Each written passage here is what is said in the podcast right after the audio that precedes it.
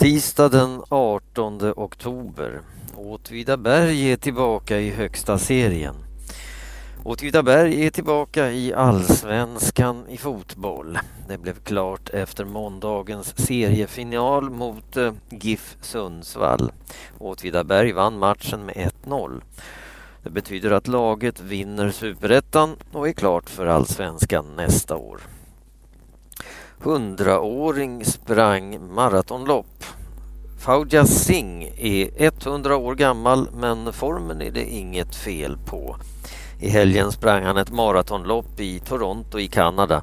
Hundraåringen sprang de 42 kilometrarna på åtta timmar. Fauja Singh började springa långlopp när han var 89 år gammal. Sedan dess har det blivit åtta maratonlopp för den pigge gamle löparen. 3000 kan ha drunknat i färjeolyckan. I början av september sjönk färjan Spice Islander nära ön Zanzibar utanför Tanzania i Afrika. Dagen efter olyckan sa myndigheterna att omkring 200 personer hade drunknat. Det var många fler än så. Färjan hade omkring 3600 personer ombord när den sjönk. 619 människor räddades ur havet av andra båtar. Resten kan ha drunknat.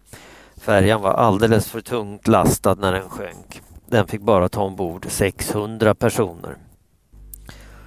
Israelisk soldat släppt efter fem år. Idag tisdag fick soldaten Gilad Shilat komma hem till sin familj i Israel. I fem år har han varit fånge hos den palestinska gruppen Hamas. Nu är han fri igen.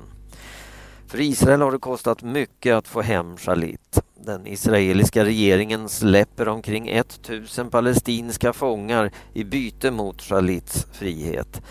Många av de palestinier som nu släpps fria är dömda för blodiga terrordåd i Israel.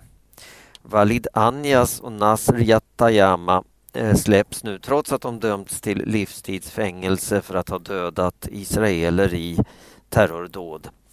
Israels regering får kritik för att de nu släpper fångar som dödat israeler. Nya strejker i Grekland. På måndagen började de grekiska sjömännen en två dagar lång strejk. Strejken stoppar nästan all färjetrafik i landet. Samtidigt började landets tullare att strejka. Den strejken stoppar olja till landets oljeraffinaderier. Det betyder att det blir brist på bensin i landet. På onsdag blir det stor strejk. Då är det meningen att alla i landet ska vägra att gå till jobbet. Folk strejkar i protest mot regeringens försök att spara pengar.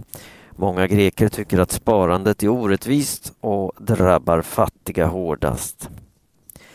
Poliserna tar betalt för fotbollsmatcher. Cheferna i Stockholms stora fotbollsklubbar är upprörda. Nästa år kommer klubbarna att få betala för poliserna som bevakar matcherna. Det kan bli dyrt. När två lag från Stockholm, som AIK och Djurgården, möts arbetar många poliser. Klubbarna kan få betala omkring en miljon kronor till poliserna för en sån match. Klubbarna säger att det kommer att bli för dyrt. De har inte så mycket pengar. Det kan bli billigare att spela utan publik. Då behövs inga poliser på matchen. Poliserna ska inte ta betalt av alla klubbar. De ska bara ta betalt av klubbar som har blivit företag. I Sverige är det bland andra Hammarby, Djurgården och AIK. Hittills har inga behövt betala för poliserna. Rättegången mot svenskarna eh, börjar idag. De två svenska journalisterna Martin Schibbye och Johan Persson greps i landet Etiopien i somras. Svenskarna hade tagit sig in olagligt i Etiopien och var tillsammans med en rebellgrupp som Etiopiens regering räknar som terrorister. De två svenska journalisterna åkte till Etiopien för att arbeta. De säger att de ville skriva och berätta om problemen i landet. De båda svenskarna åtalas för terroristbrott och för att ha tagit sig in i Etiopien på ett olagligt sätt.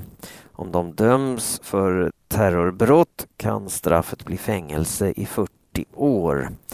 De båda svenskarna har fått träffa sina familjer som rest ner till Etiopien för att vara med under rättegången. Och idag tisdag kom beskedet att rättegången kan skjutas upp till torsdag. Svenskt brons i jujutsu. Sara Widgren från Sverige lyckades riktigt bra i världsmästerskapet i jujutsu i Cali i Colombia.